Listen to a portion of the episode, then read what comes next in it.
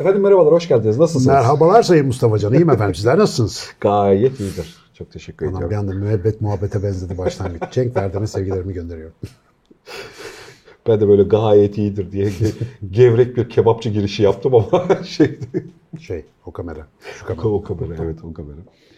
Sevgili hocam, Estağfurullah. bizim videolara gelen yorumlarda geçen birkaç hafta öncesinde e, bu kişilik gelişimiyle alakalı e, videoda şeyi söylemiştim.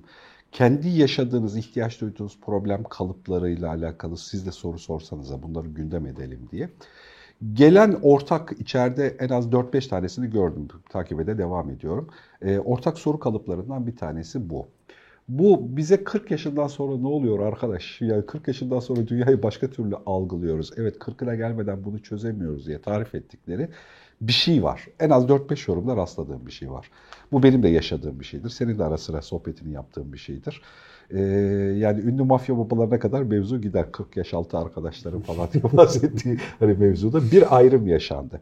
Bu yani hani benim okuduğum hep vardı ama bu dijital dünya ile beraber daha da belirgin bir keskin Görünür bir- hale geldi. görünür hale, belirgin hale geldi. Bu bedensel olarak yaşlandığımız hallerin haricinde duygusal olarak yaşlanmayı da konuştuk daha evvel de bir can cananın içerisinde. Zihinsel olarak bize gerçekten yaş aldıkça ya da yaşlandıkça bir şey oluyor. Ve bu bir şey işte 40'lı 45'li yaş arasında da bir şey böyle diye atıyor ve bambaşka bir evreye doğru da. Güzel ses ama. e, bambaşka bir evreye, bambaşka bir bilge hale, bilme haline doğru geçiyoruz. Fırsatımız varsa, potansiyelimiz varsa. Bunun çok kötü yansımalarını da görüyorum. Bu her zaman olumlu bir şey değil. Kırkından sonrasında yani Azanlı bir- teneşir paklar diye ya öyle de var bir de mesela şöyle bir evre de oluyor. Beni, beni en çok hani bıyık altından güldüren de o. Bende de bıyık büyük. Altından gevşek gevşek gülebiliyorum. Şeyde Sami yok ama arada açık kapatayım dedim kötü şaka yaparak. bir şey bildiğine hani hazır olmasa bile arkadaş ben de 40 ya- 40'lı yaşlarımı aştım. Ben de artık bunlarla alakalı konuşabilirim şeklinde bir bir şey anlatmayla ilgili bir tuhaf evreye de geçiyor insanlar. Abi anlattığın çok değerli görünmüyordu diyemiyorsun. Yani hani ben bunları tecrübe ettim falan diye bir şey anlatıyor insanlar. O kendi bilinçlerindeki yalnız yaşadıkları bir şeyi sosyal olarak da değerli olduğunu zannetme hali. Ya da gerçekten de 40'lı yaşlardan sonra hormon baskısı mı azalıyor? İşte sosyal anlamdaki e, bir sosyal gruplara bağlı olma bağlarımı zayıflıyor. Yani hani o sosyal grupların baskısı mı azalıyor üzerinde. Başka bir evreye, başka bir anlayış biçimine, zihinsel bir duruma geçiyor. İnsan zihinsel olarak nasıl yaşlanır? Hadi acık üzerine sohbet edelim. Galiba aslında yaşlılık değil de esas konu gelişimin evreleri gibi bakmak lazım. Şimdi bizim bir işte çocukluk, gençlik, erişkinlik bir de yaşlık dönemimiz var. Şimdi erişkinlik konusu problematik bir konu. Çünkü hem zihin durumu çok değişiyor hem de çocukluktaki, gençlikteki ya da yaşlılıktaki gibi belirgin bir şey olmuyor. Yani beyinde, vücutta çok fazla bir değişiklik yok. Ama mesela bir şey görüyoruz biz. Bu özellikle şimdi hani ikinci, üçüncü kariyer modasından dolayı böyle ileri yaşta insanlar üniversitelere giriyorlar, yüksek lisans programlarına dördüncü, beşinci kez katılıyorlar ya. Mesela onların öğrenmesiyle ilgili bir farklılık var gençlerin, çocukların öğrenme biçiminden. Biz gençken, çocukken daha böyle sıralı, bir şeyi bir şeye bağlayarak, işte bir şeyin nedenini ancak ya da anlamını öğrendiğimizde kavrayabildiğimiz bir sistemimiz var. Dolayısıyla biraz kıvrak öğreniyoruz, hızlı öğreniyoruz ama büyük konseptleri hemen içselleştiremeyebiliyoruz ya da yabancı bir konuya adapte olmak için çok zaman harcamamız gerekiyor. Ama erişkin moduna geçtiğin zaman erişkin modunda bu bağlantılı ya da örüntüsel öğrenme diye bir şey daha kuvvetli gibi gözüküyor. Mesela geliyorsun hiç sen seninle daha önce alakalı olmamış, eğitimini almadığın bir alanda müzik olur, bilim olur herhangi bir alana giriyorsun. Orada öğrendiğin şeyleri daha önceki deneyimlerinle bağlayıp onlara kendince bir anlam yüklüyorsun. Bazen yanlış olabiliyor bu. Ama öğrenmeyi hızlandıran, sıçramalı şekilde böyle aşamalı aşamalı zihinsel beceri geliştirmeni mümkün kılan bir hale geçiyorsun. Bunun biz beyindeki karşılığına, biz derken araştırmacılar bakıyorlar beyindeki karşılığına.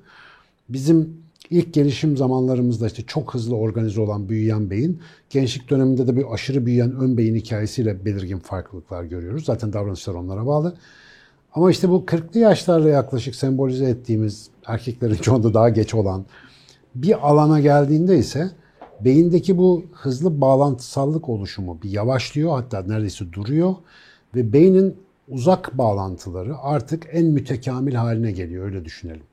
Ee, uzun veri hatları gibi bunlar.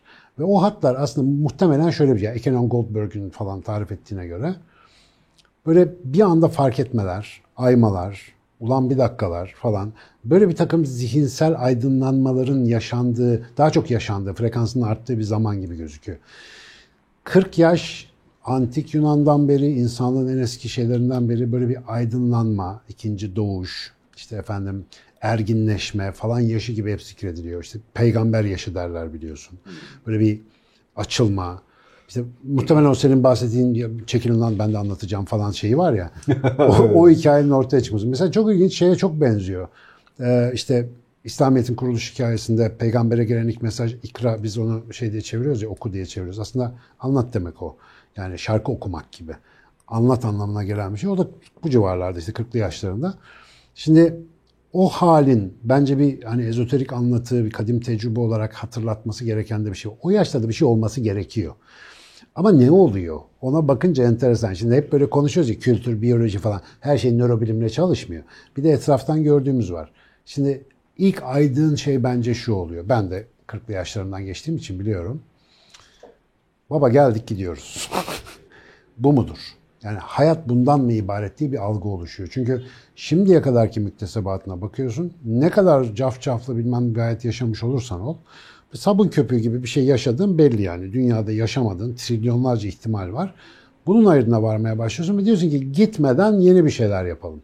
Ve bu çoğunda dürtüsel, tepiksel bir şeye sebep oluyor. Yani boşanayım o zaman. İşte motosiklet alayım. Çok sık söylerim ya. Böyle bir riskli bir şeyler yapayım ya da alan değiştireyim. Biraz da ben konuşayım falan gibi böyle bir takım dürtülere sebep olabiliyor. Halbuki bunu mesela iyi kullananlar da oluyor. Mesela ben muhtemelen onlardan biri değildim ama etrafımda gördüğüm kadarıyla bunu bir içe dönüş ve tekrar bu kadar deneyimin öğrettiği yeni bir dille kendini tekrar tarif etme bir daha bir farkındalık, yeni bir hayat organizasyonu, bundan sonraki dönemin planı, programı, stratejisi gibi işlere yatıranlar hiç fena bir şey inşa etmiyorlar gibi gözüküyor. En azından çok büyük dışarıdan görünen başarılara adım atmaya başlamasalar bile daha tatminkar bir hayat sürmeye başlıyorlar. İşte o hayattan razı olma dediğimiz, hayatı anlama, biraz daha bilgece yaşama yoluna adım atabiliyorlar.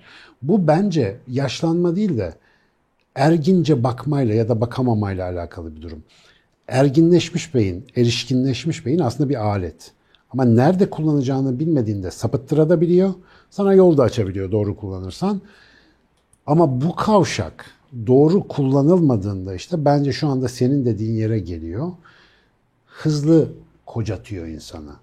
Enerjisini bitiriyor. Çünkü oradaki o hazırlık bir şey için. Muhtemelen biz kültür taşıyıcısı canlıyız ya. Bir şey alıyoruz, ona bir şey katıp bir sonraki nesle vermemiz lazım. İşte o kaymağı dökeceğimiz zaman muhtemelen o.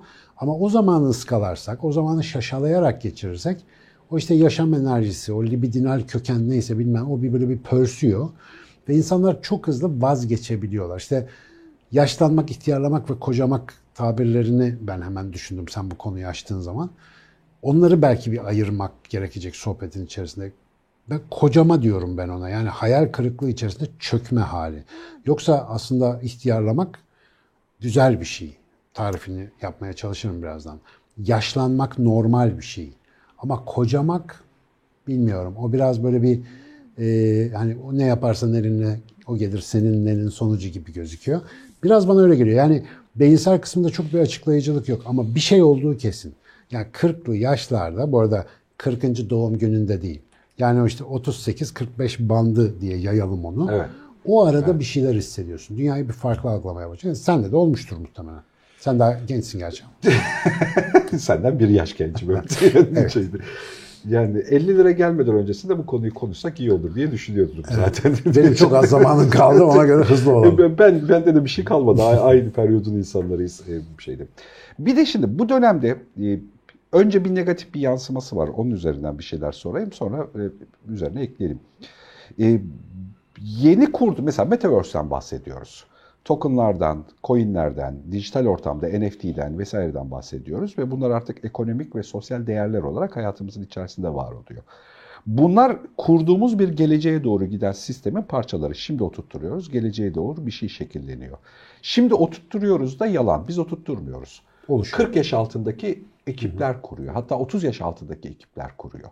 Bu ekipler bir şey kuruyor ve mesela bu dönemdeki en çok yaşadığım e, ya da yansımalarını gördüğüm şeylerden bir tanesi 40 yaş altı şey 40 yaş üstü diye tarif edebileceğim grup mesela bunlarla adapte olamadığı, iç içe geçemediği, yeni öğrenilecek bir sürü e, bir şey barındırdığı için mesela uzaklaşıyor ya da yalnızlaşıyor toplumun içerisinde. Bu çok sık rastladığım örüntülerden bir tanesi, sosyal örüntülerden. Ki bizim gibi genç oranı yüksek ülkelerde belki bu daha belirgin. Daha evet evet yani birdenbire yani sistemin içerisinde bir şey konuşuyorken kullanılan terimlerin yarısını anlayamayan o eski işte televizyon açmakta zorlanan babaanne fotoğrafında kaldığını hissediyor. Halbuki bir şirkette orta bantta bir yönetici.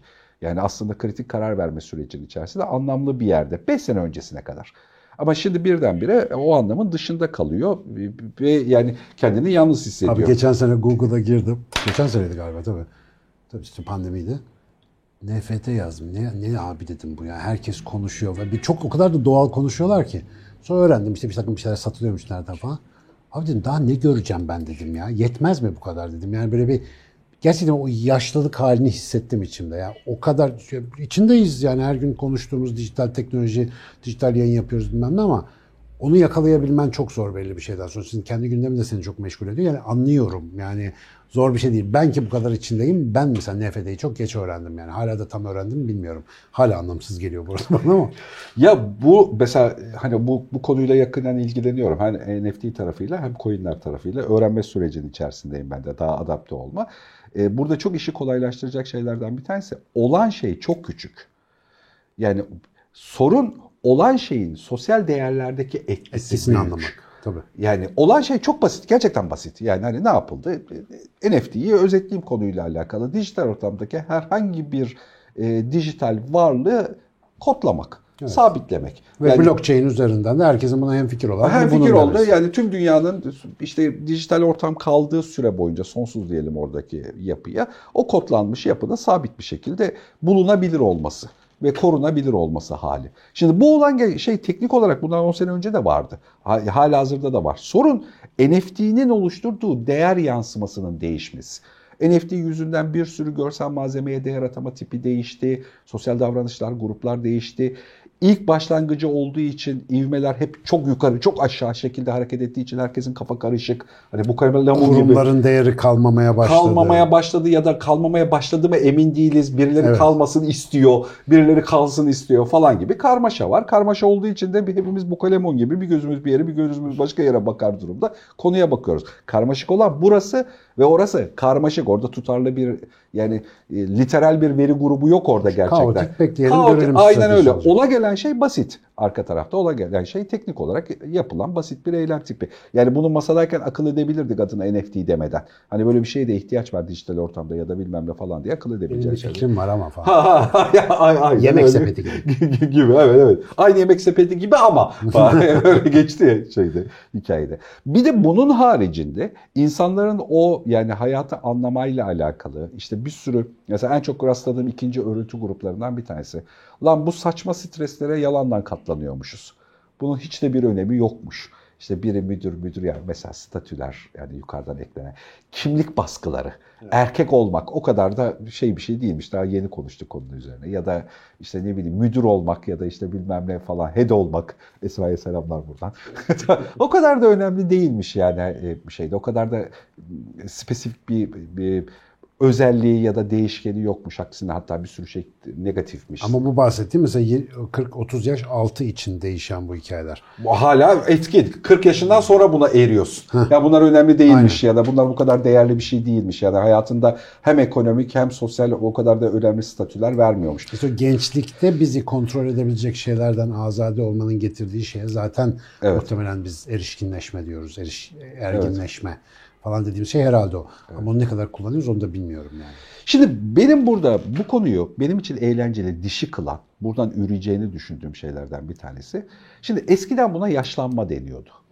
Ve yaşlanmayı senin söylediğin anlamda ihtiyarlama ve pozitif anlamda sosyal bir yapı kendi içinde aktif bir şekilde kullanmayı beceriyordu. Şimdi yaşlanma özellikle batı toplumlarının içerisinde kullanılamaz bir duruma çıkartıyor seni içinde yalnızlaştırıyor. Ama yaşlanmayla o işte sistemin içerisindeki 30'lu yaşlardaki üretim arasında bir 20 yıl daha var. İşte buna 40'larla 60 arası diyelim e, bir şeyde. O 20 yıl dünyayı anlamada, biçimlendirmede bir başka evreyi kapsıyor ve hiç kimse o kalıpla ilgilenmiyormuş gibi görünüyor. Halbuki hepimiz kendi içimizde dünyayı yeniden keşfediyor ya da düşünüyoruz. Ya da bununla alakalı bir şeyi tekrar fark etme ile alakalı bir fırsat oluyor. Buna geçici olarak tam tanım doğru olmayabilir ama ben ara sıra onu kullanıyorum. Bilgelik dediğim bir şey. Tam tanımı doğru değil. Geçici yani etiket olsun diye yerleştirdiğim şeyler. Aslında önemli bir parçası bilgelik o işin yani doğru. Evet, Doğru Şimdi o evreye 40 yaş altının da ihtiyacı var o bilgeleşme ile alakalı ya da 40 yaş üstünün de bilgelikle alakalı bir şeyi daha literatürünün oluşturacağı şekilde anlamaya, fark etmeye ihtiyaç varmış gibi görünüyor. Aynı şunun gibi bu bir, kentliysen özellikle metropolde yaşıyorsan 40 ile 45 yaş arasında yakın görme sorunun olur. Bunu keşfetmezsen bunu öğrenme, fark etme süren 5 yıl. Bunu keşfedersen 3 ayda keşfeder, gözlüğünü kullanır, mevzuyu çözersin. Keşfetmezsen ya ben kitap okuyamıyorum son dönemde dediğin hani okumak alışkanlıklarını değiştirecek değiştir, bir şey olur. Değiştirecek bir şeye döner. Bunu fark edersen avantajın olarak kullanırsın. Fark etmezsen dezavantaja döner. Bu 40 ile 60 yaş arasındaki öykünün de böyle olduğunu düşünüyorum. Avantaja çevirmek lazımmış gibi geliyor. Tam bu noktada hiç bak böyle bakmamıştım ama 40'lı yaşlardan sonra geliştirilmesi ve ifşa edilmesi gereken bilgeliğin yardıma ihtiyacı var artık. Çünkü bu kadar hızlı kavram değişimine adapte olamayıp yalnızlaşma zaten çizdiğin gibi bir problem. Ama aynı zamanda erişkin öğrenmesiyle çok kolay fark edilebilecek, destek atılabilecek kısımlar da var. Mesela bizim şimdi yaptığımız okulların yaradığı bir iş daha geliyor gözümün önüne. Bizde hep çünkü erişkinler var ağırlıklı olarak. Yani üniversite öğrencileri falan da var ama e, oradaki insanların bizim eğitimlerimizde konuştuğumuz konulardan çıkarttıkları şeyler ilginç. Mesela öğrenciler onu çıkarmıyor üniversite öğrencileri. Ama bir erişkin gelip de bugünkü işte teknik olsun, bilimsel olsun, felsefi olsun, e, kendi alanlarına daha önce girmemiş konularla ilgili anlaşılır deneyimi yaşayabildikleri bir yerde hayatta getirdikleri tecrübeyle o yeni bilme hali bilgelikle ilgili bir şey oluşturuyor. Bir yetkinlik oluşturmaya başlıyor insanları. Erişkin eğitimi dediğimiz şeyin hızlı değişen zamanlardaki önemini şu anda bir tık daha iyi kavradığımı zannediyorum. Sen bu resmi çizdiğinde. Çünkü o 40 yaş üstü insanın bugüne sağlayacağı en önemli katkı yaşanmışlığından getirdiği bilgelik. Ama dilleri farklılaştığında anlaşamıyorlar. O yeni nesille anlaşmamız mümkün olmuyor. Ben mesela sürekli gençlere ders verdiğim için biraz onların dilinden hala üç aşağı beş yukarı anlıyor gibiyim. Ama o kontağı herkes sağlayamıyor ki ben bile o kadar sağlayamıyorum. Dolayısıyla o güncel sorunları ve bilgileri şu anda onların bu arada e, yeni genç neslin diyelim 36 ya da 46 e, yaş grubunun hayatını esas şekillendiren şey güncel bilgi üretimi aslında. Yani şu andaki bilgi üretimi, mesela bilim ne diyor, teknoloji ne diyor, kozmosta ne oluyor bilmem ne, işte fizikteki son gelişmeler, teknolojideki son hamleler yani NFT'ye kadar her şey aslında yeni bilgiler. Ama bu bilgiler bu neslin dil nedeniyle ilgi alanından çıkarsa ondan üretebilecekleri bilgelikten yeni nesil faydalanıyor. Bizim bir avantajımız var aslında. Bizim mesela genç nüfus çok büyük. Ona göre eskisi kadar olmasa da yaşlı nüfusun kapasitesi biraz daha az, yani miktarı daha az. Dolayısıyla ulaş aslında erişkin eğitimi bağlamında, erişkin farkındalığı anlamında ulaşmamız gereken insan dilimi daha düşük. Ve o geniş kitleye verebileceğimiz bilgelikle yaratabileceğimiz dip dalga çok daha fazla. Mesela bu açıdan mesela şu anda tekrar gaza gelmiş durumdayım. Yani yaptığımız iş iyi bir şey. Ee, o önemli olan neyin gerekli olduğu yani bir model olarak, bir müfredat olarak bu insanların neyi bilse iyi olacağını çalışmak ki bu seninle son bir buçuk senedir üzerinde hep uğraştığımız bir konu. Ve ben şunu kendimde görüyorum. Ben genelde anlatan pozisyonda gözükmekle beraber bolca da dinlemeye çalışan. Yani 15 gün ev karantinamda belki 1500 YouTube videosu izlemiş olabilirim.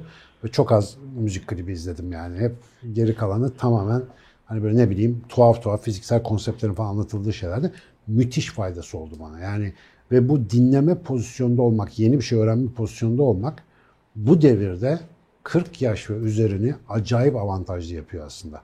Yani o bizim bir sonraki nesle bırakabileceğimiz Bu arada insanın en temel dürtülerinden biri bence mağara duvarına resim yapmaya başladığından beri gelecek nesle bir şey bırakmak. Bu sosyal canlı olmanın da bir iktizası zaten. Böyle bir güdün olmasa böyle bir şey yapmazdın. O güdünün şimdi en güzel tatmin edilebileceği yer burası gibi gözüküyor. Kocamadan evvel. Yani ya da bu aydınlanabilir vasatı çarçur etmeden önce bunu gerçekten yani kendi çoluğuna çocuğuna, kendi eşine dostuna da olsa bir ikrama çevirmek gayet mümkün. Ki bence ben gene bütün aziz, işte evliya, peygamber falan kendinden böyle bir şey anlarım. Onlar bir ayar sonra dağıta dağıta gezmeye başlar. Yani al baba durum budur falan Hocam diye. biyolojik olarak beden üremeyi ister. Hatta ana güdüsü. Bence artık evrimin bir noktasıysa bu. Üzerine açık karikatürize ederek söyleyeyim. Zihin de üremeyi istiyor. Zaten Yani- bu söylenmiş kim Freud'tu galiba. Libido bizde yaratıcılığa dönüşüyor. Mesela libido diğer bütün hayvanlarda çiftleşme ama bizde üretme, yaratma, yeni bir şey katma, kültür oluşturma yani ve zihin ürüyor bu dediğin gibi. Evet ve yani ürettiğimiz, zihinsel anlamda ürettiğimiz küçük nöronlara hadi böyle tarif edelim. Bir başka yapıya, bir sonraki kuşağa ya da bir sonraki zamanın kendisine bırakma, onun dokusunu, onun tonunu belirlemeyle alakalı, duygusunu, biçimini, düşünme yöntemini belirlemeyle alakalı hepimizin bir çabası ya da bir biçimi var. Ve bu, belki de bunu anlıyoruz işte 40'ından sonra ya da yani bunu daha erkene getirmek mümkün mü ya da bu gerçekten biyolojik bir sonuç mudur bunlar tartışmaya açık üzerinde belki. Abi düşünsene Allah Google'a zeval vermesin. Mesela YouTube'daki bu videonun bin sene kaldığını düşün. Yani bin sene sonra insanlar, bin sene boyunca insanların bu ve bunun gibi içeriklere ulaşabildiğini düşün. Yani şu anda aslında biz bir içerik ekmeye çalışıyoruz. Yani bu muhabbet olmaz da bir başka muhabbet. Bu iş değil de bir başka iş. Bir sonraki ve daha sonraki nesillere aslında bir çok yani hesap edilemez bir katkı yapma potansiyeli taşıyor. İşte biyolojik evrimle kültürel evrimin el ele tutuşup güç yarattığı noktalardan birisi bence bu. O 40'lı yaşlar bir şeye hazırlıyor ve kültürün de aslında buna doğal bir ihtiyacı var. Hep diyorum ya böyle yaşlıya gösterilen hürmet. Kadim toplumların işi. Modern toplum eh, yaşlı lan falan. Yani bunlar moruk ne bilecek. Şimdi bu daha modern bir yaklaşım. Şimdi bunun bir de postmodern versiyonu var. Yani garip bir kutsama ama içi boş bir kutsama belki. Şimdi öyle öyle versiyonlar da görüyoruz. Yani işte hayvanseverlik gibi bir şey yaşlı sevmek. Yani anlatabiliyor muyum? falan. İyi olsun onlar. Öyle bir şey değil. O bilgelikten istifade etmenin kültür aktarmanın tek yolu olduğunu belki fark etmek. Sanki ben de şey gibi oldu. Yaşlılığa yer yapıyorum şimdi. Bak yaşlanınca ben, ben bir şey anlatacağım. Yavaş yavaş da yaşlılar yer yapalım bu arada ya. Tabii canım oğlum baksana sakallar ne kadar güzel oldu. Herkes bu arada yo- videoların altına bak gıcık oluyorum onu söyleyeyim. Sakallar da beyazlamış hocam. Ya kulaklar kepçe sakallar beyaz biliyorum ben saçım da böyle yani ne yapayım. Bir de bunu yazıyorlar böyle özellikle hocam sakallar falan. E, bu zaten aynaya baktığınızda size bir şeyler yapmak için zamanınızın daraldığını gösteren önemli işaretlerden bir tanesi. Yani önemli bir ikaz ışığı o. Ve o ikaz ışığını doğru değerlendirmek için ben sıklıkla aynaya bakmaya gayret. Oh biraz daha beyazlamış hadi bakalım. Bu yaşları kaçıp cenderelerden kaçıp kurtulmaktan ziyade sarayını tezyin etmek için kullanmakla ilgili birisi bir şey söylemişti bana. Kim olduğunu hatırlamıyorum. Birisi zindandan kaçmak için kullanabilir. Çünkü şimdiye kadar zindanda yaşadım. Gidiyorum ben. Ama bir kısmı ulan sarayı yaptık da daha tam dekorasyonu iyi değil. Ben içeriği bir güzel iç mimar kafasıyla döşeyim diye de kullanabilir. Bu tabii nasıl yaşadığımızla da ilgili ama eğer yani bizi seyreden arkadaşlardan bahsediyorsak onlar da normal değil hep söylüyorum. Yani iyi yaşıyorlardır muhtemelen diye düşünüyorum. Ve bu yaşlara geldiğinizde gençler, bizi bu arada yarı yarıya gençleriz diyor. Yarısı bizim yaşımızda izleyenlerin. Ama gençler için özellikle bu yaşa geldiğinizde böyle bir şey hissettiğinizde inşallah bu muhabbetler aklınızda olur. Çünkü aynı zamanda büyük fırsat diye düşünüyorum o kısımlar. Ben öyle hissettim açıkçası. Şöyle tarif edeyim mi? Ee, hadi bu sefer özeti ben çıkmaya çalışayım. 40 yaş öncesinde en verimli üreme bedensel üreme. 40 yaş sonrasında da zihinsel üremenin verimli. Vay! yani bak bu sefer bir bölüm daha çekmemiz lazım. Çok iyiydi. Teşekkür ederim. Ben teşekkür ederim.